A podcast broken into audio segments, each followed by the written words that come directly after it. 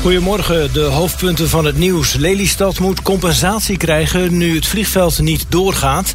En lange wachtlijsten voor de TBS-kliniek. Ook voor de Almeerse Oostvaarderskliniek. Meer nieuws op omroepflevoland.nl. Goedemorgen. De wens van de Tweede Kamer om Lelystad Airport definitief niet open te stellen voor vakantievluchten zorgt voor verschillende reacties. En die hebben wij voor je op een rijtje gezet. Goedemorgen. Flevoland is wakker. Als er definitief een streep door Lelystad Airport wordt gezet... moet daar een ruime compensatie en schadeloosstelling tegenover staan. Dat vinden meerdere gemeenteraadsleden in Lelystad. De kans dat er ooit nog vakantievluchten vertrekken... en landen in Lelystad die lijkt verder weg dan ooit. De meerderheid in de Tweede Kamer steunde gisterenmiddag een motie met die strekking. Iets wat raadsleden in Lelystad totaal niet zagen aankomen. Zoals fractievoorzitter Marco Bogert van de VVD. Balen, zeg maar. Dat is niet wat we willen. Gewoon erg jammer dat dit uh, ja, op deze manier uh, een nee wordt. Hoe erg is dit voor Lelystad? Ik denk dat het voor Lelystad echt wel heel erg is. Er is heel veel in geïnvesteerd. Er zijn heel veel mensen te popelen ook om uh, zeg maar het, het, het, vliegveld open te maken voor uh, in dit soort vluchten. En uh, ja, ik denk dat het echt een hele vervelende streep is voor Lelystad. Henk Schraaf van de ChristenUnie. Ik dacht eerst even van wat is er precies aan de hand. En uh, toen laatst natuurlijk dat er een motie is in de Tweede Kamer die dan oproept om te zeggen van de Leestad Airport gaat niet door. Daar was toch wel wat verbaasd over. Uh, omdat het onderwerp eerst controversieel is verklaard. En dan lijkt het me ook dat je het aan de formerende partijen laat. Dat zou volgens mij een stuk netter zijn geweest. En nu ben ik heel benieuwd wat de status van zo'n motie is. Hè? Want normaal dan moet zoiets geregeld worden met een voorstel. Ja, groot nieuws natuurlijk. En hartstikke goed nieuws. Uh, het is nog niet definitief natuurlijk. Het is een motie die door de Kamer is aangenomen. Uh, ja, het kabinet zou anders kunnen besluiten, maar dit is wel echt een heel duidelijk signaal. Bas de Reus van GroenLinks, hoe belangrijk is dit signaal? Nou ja, dit is natuurlijk een zo lang uh, proces van een jaar of twintig. Uh, ik denk dat duidelijkheid voor iedereen heel erg belangrijk is. En ja, de uitkomst, geen luchthaven Lelystad, is natuurlijk goed voor mensen en voor uh, de natuur. Nou ja, dan hebben wij een, een spiksplinter nieuwe luchthaven met ruim 200 miljoen in geïnvesteerd is. Waar niks mee gaat gebeuren. Astrid van Stormbroek van de PVV, wat betekent dit? Nou ja, ik hoop dat uh, het nog geen definitieve streep is. Uh, er zijn vier partijen aan het uh, informeren nu.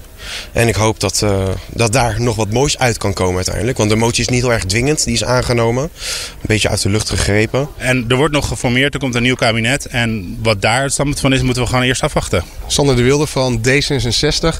Nou, ik zou het ontzettend zonde vinden. Een hele slechte beslissing. Uh, we wachten natuurlijk al heel lang op de opening. Het is uh, ontzettend belangrijk om, omdat we dan ook gewoon die overlast in de regio Schiphol enorm kunnen verminderen. En als er dan toch een streep doorgaat, wat moet er dan gebeuren? Nou, dan moet er in ieder geval een enorme uh, compensatie en schadeloosstelling uh, gaan volgen. Voor Lelystad moeten we echt kijken uh, dat we er ook echt iets uithalen. En niet gewoon een compensatie. Maar we moeten echt goed in gesprek wat nu verder. Zodat, het niet, nee, zodat we echt gaan kijken hoe we Lelystad kunnen ontwikkelen. Dan wil je ook een serieuze compensatie hebben. Dus ook, ook als het gaat om, om de economie. Dus dat je niet met een beetje geld wordt afgestreept. Maar echt iets wat nou blijvend Lelystad in de regio versterkt. De gemeenten, provincies hebben er echt heel veel geld in, in gestoken de laatste jaren met het idee van de luchthaven gaat open. En wat je er politiek ook van vindt, uh, daar moet natuurlijk compensatie tegenover staan. Want heel veel bedrijven hebben zich daardoor, daardoor misschien gevestigd. Uh, dus ja, daar moet wel iets tegenover staan, ja. Ja, dat waren verschillende gemeenteraadsleden uit uh, Lelystad. Maar ja, goed, uh, wat het signaal ook is vanuit Den Haag... uiteindelijk gaat het nieuwe kabinet er natuurlijk over. Ja, en daar zitten twee voorstanders in en twee tegenstanders van vliegveld Lelystad. Uh, althans, dat zijn de partijen die nu formeren. Zullen we eens gaan luisteren wat de mensen in de stad ervan vinden? Tom Bolhuis. De Tweede Kamer die zegt nu uh, Lelystad Airport, we willen het eigenlijk niet meer open hebben. Wat vindt u daarvan? Nou, dat vind ik heel erg jammer. Ik uh, woon uh, nu pas twee jaar in Lelystad en het zou fijn zijn als ik uh, mijn vakantievluchten vanaf Lelystad Airport kan doen in plaats van Schiphol. Ja, ja dus dat is een streep door de rekening. Dat is, ja, ja, zo lijkt het wel. Ja. ja. Zonde. Ja, waarom? Nou ja, het zou gewoon een toevoeging zijn, denk ik, voor, voor de luchtvaart. Vanuit hier om gewoon wel een, een luchthaven te hebben. Of in ieder geval ja, je hebt Amsterdam-Schiphol, ja. waar vanaf gevlogen wordt. En ik denk ook juist om Schiphol te ontlasten, is het ideaal uh, dat je Lelystad Airport uh, zal gaan openen. Ja. Juist voor de short haul, dus ja. de Middellandse Zee en alle andere bestemmingen. Voor zover ik weet zijn er miljoenen geïnvesteerd in, in Lelystad Airport. En ik hoorde inderdaad net voordat ik wegging dat uh, het, het huidige kabinet heeft gezegd dat ze sowieso een definitieve stop zou zijn. Ja. Ja, raar eigenlijk. Ja, voor de economie is het gewoon veel beter. Ja, worden distributiecentrums gebouwd en andere dingen. En het gaat gewoon niet door. Er worden heel veel beloftes gemaakt. Ja. Nu gaat... Echt jammer. Dat vind ik echt jammer. Dat, dat had niet goed zo. Nee. Ik vind het zelf uh, in meerdere opzichten ook wel fijn. Want ik woon zelf ook in Lelystad. Dus daar heb ik ook wel minder geluidsoverlast. In verband met de vliegtuigen die dan er overheen komen. Ja. Uh, maar het is ook wel weer jammer. Want dan kan ik ook wel weer verder met het vliegtuig. Ja. Want dan moet ik verder reizen naar Schiphol om met het vliegtuig te gaan zelf. Ja, vakantie van het Lelystad, dat zag je wel zitten. Ja, dat zeker. Hoopt u nou dan misschien nieuw kabinet, onderhandelingen, dat het dan toch open gaat misschien? Ja, eigenlijk wel ja. Ik denk dat het voor een hoop werkgelegenheid zal zorgen in Lelystad. En uh, ik denk dat dat wel goed is, ja. Dus ik, ik vind het zout zonde vinden, laat ik het zo zeggen. Ik hoop dat het doorgaat, ja. Ik denk dat het een hele goede, goede investering is voor Lelystad ook. En, en voor de hele omgeving. Dus ja. Uh, ik denk dat, ja, ik vind het echt jammer. Wat moet er nu gebeuren dan? Um, nou, ze moeten in ieder geval, denk ik, um, um, gaan nadenken wat ze dan wel met Lelystad Airport gaan doen. Waarvoor het dan wel gebruikt voor moet gaan worden. Ja. Want dit is zonde. En we maken een vakantiepark van. ik weet het niet. Nee. Ik weet het echt niet. Nee, ik zou het echt niet weten. Nee. Ja, wat zou je ermee kunnen? Je zou er van alles mee kunnen doen, denk ik. Ja. En weet ik, een mooi hotel misschien? Je zou bijvoorbeeld voor Schiphol vliegtuig kunnen opslaan. Nou, ik zou nog eventjes wachten tot er weer andere verkiezingen gaan aankomen. Ja. En uh, weet je, zoek een goede oplossing voor de time being, maar voor later. Ja, wellicht over uh, vijf jaar staan we hier en uh, ga ik mijn vakantie naar Kreta boeken vanaf Lelystad Airport. Ja, we gaan het zien hoe het afloopt. Verschillende reacties waren dat van uh, Lelystedelingen. Um, ja, de indiener van de motie, Tweede Kamerlid Christine Teunissen van de Partij voor de Dieren, daar is het allemaal mee begonnen. En daar praten we na half acht mee. Wat heb je gisteravond gemist op radio en tv? Uh, nou ja, voetbal uh, misschien. als je dat gemist hebt, zou kunnen. Ik heb de eerste helft gekeken. Was toch nog wel een beetje laat. Ja. Maar uh, jemig, die meiden zijn gewoon door, joh. Ja, dat is echt fantastisch. Maar uh, ik begin met Nieuwsuur. Want dat had het over Neuralink. Dat is het uh, bedrijf van Elon Musk. Dat zegt dat het is gelukt om een chip in een menselijk brein te implanteren. Nou, ethicus en filosoof Pim Hazelager... die noemde het zorgwekkend... dat neurotechnologie het lab en de universiteit aan het verlaten is. Ik zeg wel eens, toen ik net het ouderlijk huis had verlaten... deed ik allerlei onverstandige dingen. Neurotechnologie verlaat nu de klinische, veilige uh, universitaire omgeving. En gaan er ook opmerkelijke dingen gebeuren. En zeker als je cowboys zoals Elon Musk hebt, die, uh, ja, die, die houdt zich niet per se aan de regels. Move fast and break things, hè, is het motto van Silicon Valley. Maar het gaat natuurlijk wel om ons brein. Ja, volgens Hazelager is onze geestelijke privacy in gevaar. Brain reading, het decoderen van hersenprocessen in termen van mentale inhoud. Wat je wil, wat je denkt, wat je hoopt, wat je verlangt. Ja, dat kunnen we steeds beter duiden. Gewoon omdat het onderzoek naar hersenen zo succesvol is. En als dat commercieel interessant wordt, dus naast je internetgedrag, naast je locaties, ook je hersenprocessen gebruikt kunnen worden door grote bedrijven om je gedrag te voorspellen, dan kan dat misschien ook leiden tot manipulatie. Oh. Dat is ja. nogal wat. Ja, zeker. Ja. ja. Uh, Met het oog op morgen ging het over bestaanszekerheid. Vandaag vergaderde de Verenigde Nederlandse Gemeenten over dit onderwerp. Sharon Dijksma, zij is VNG-voorzitter en ook burgemeester van Utrecht. Ze vertelde dat gemeenten wel willen bijspringen... maar dat ruim 80% van hen de komende jaren tekorten voorziet. Onze begrotingen sluiten niet langer. Wij uh, koersen zelf op op een ravijnjaar, zoals we dat noemen... in 2026, waarin we eigenlijk 3 miljard tekort komen... voor de taken die we wel ook mede vanuit de Rijksoverheid beheren. Mhm. Uh -huh. Ja, en dan is heel vaak ook een logisch antwoord vanuit de gemeente om lasten te verhogen. En eigenlijk wil je dat niet. Volgens Dijksma moet er worden geïnvesteerd. Als we dit echt goed willen doen, dan moeten we eigenlijk twee stappen tegelijk zetten. Namelijk aan de ene kant het zorgen voor financiële zekerheid voor onze inwoners. Dat vergt investeringen. En aan de andere kant moeten we het gat wat er in de begroting van de gemeente is, ook wel dichten. Want anders dan zien wij eigenlijk nauwelijks andere routes dan bijvoorbeeld het verhogen van de lasten. Mhm. Mm -hmm. En dat wil je juist niet. Ravijnjaar. Ik ben benieuwd of het uh, in de dikke vandalen gaat komen. Ja, nou, over twee jaar. Ja, zoiets. En dan uh, kijken of ze in het ravijn zijn gestort. Of er toch met die uh, stappen, twee stappen tegelijk overheen hebben kunnen springen. Ja. In elke basisschoolklas zit gemiddeld één kind dat wordt misbruikt. Realiteit is dat omstanders vaker wegkijken dan dat ze actie ondernemen. Renke Verkerk reageerde ook zo toen een klasgenoot haar een traumatische ervaring vertelde. En ze legde bij op één uit waarom omstanders vaak zo reageren. Als je de dader normaliseert, dan verklein je het gevoel van gevaar. En als je de slachtoffers uh, paria maakt, dan denk je, ja, er was gewoon iets met hun. Wat niet met mij is. Zij zijn daardoor in die situatie gekomen. En nu moeten wij gewoon niet zo zijn als zij. Want dan gaat dit ons of onze kinderen niet gebeuren. Maar dit gaat allemaal onbewust, hè? Onbewust, natuurlijk. Niemand bedoelt, bedoelt hun zo uh, het uh, beschadigen. Omstanders kunnen het trauma van seksueel misbruik ook verzachten, vertelde Verkerk. De omstanders hebben de invloed. Kijk, die dader en dat slachtoffer die kunnen dit misschien met z'n tweeën niet doorbreken. Maar de omstanders zijn nog steeds met meer. De meerderheid is niet misbruikt, de meerderheid is geen dader. En die kunnen zo'n bubbel lek prikken. En ik denk waar het allemaal mee begint, is toch wel de realiteit gaan aanvaarden dat dit in je sociale kring speelt. Want inderdaad, één per basisschoolklas, twee tot drieënhalf in de klas van 16-jarigen.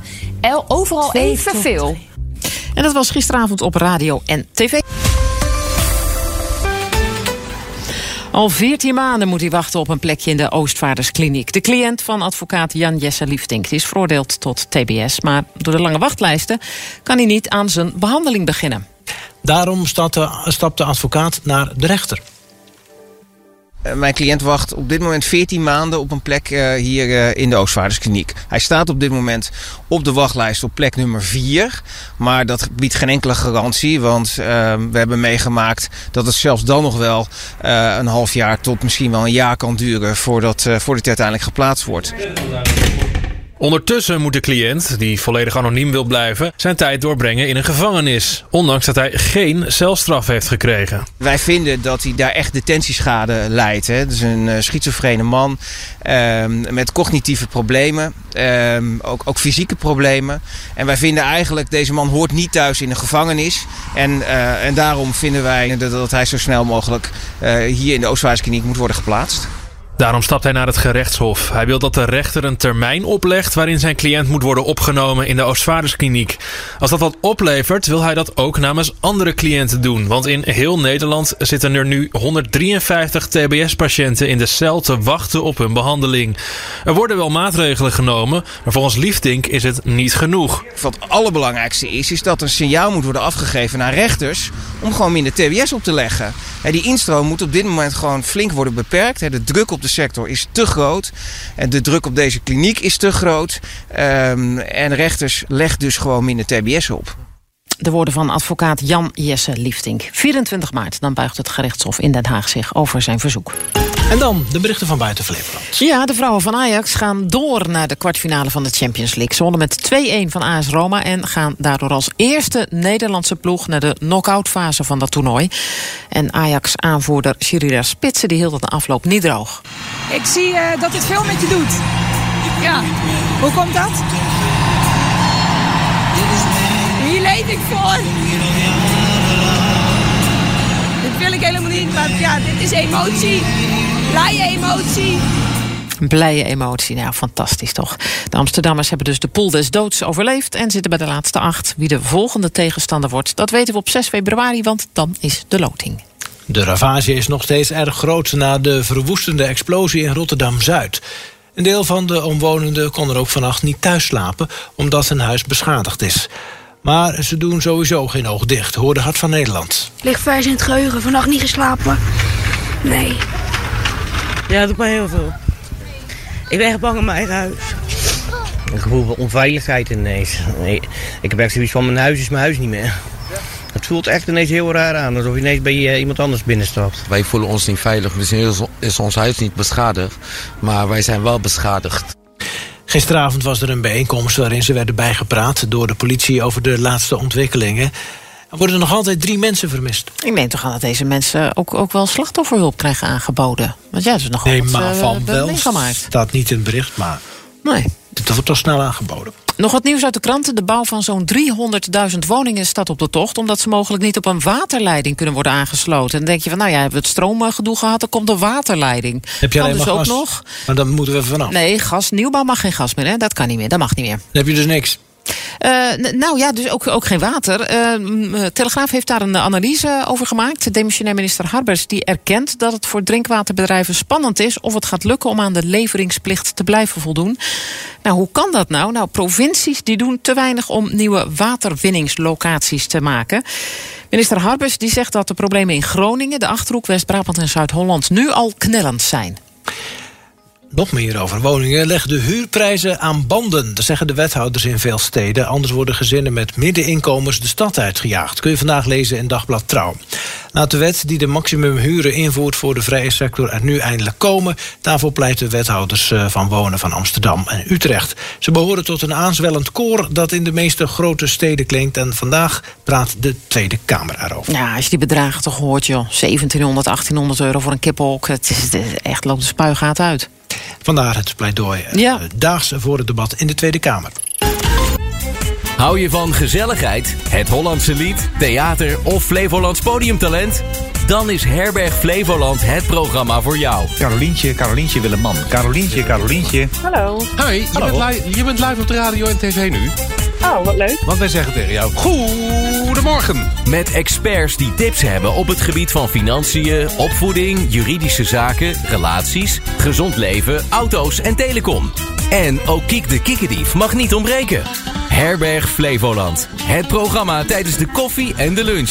Elke werkdag vanaf 11 uur bij Flevoland op radio en tv.